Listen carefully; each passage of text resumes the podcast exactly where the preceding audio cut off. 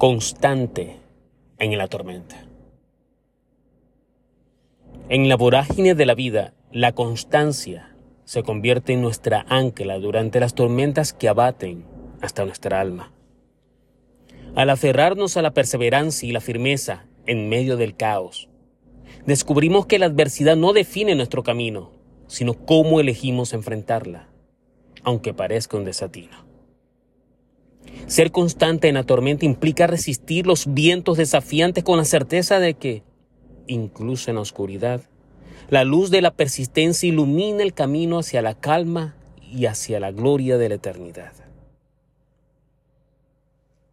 La estabilidad interior se convierte en nuestra mayor fortaleza, guiándonos a través de las aguas turbulentas hacia la serenidad que yace al final de la tempestad.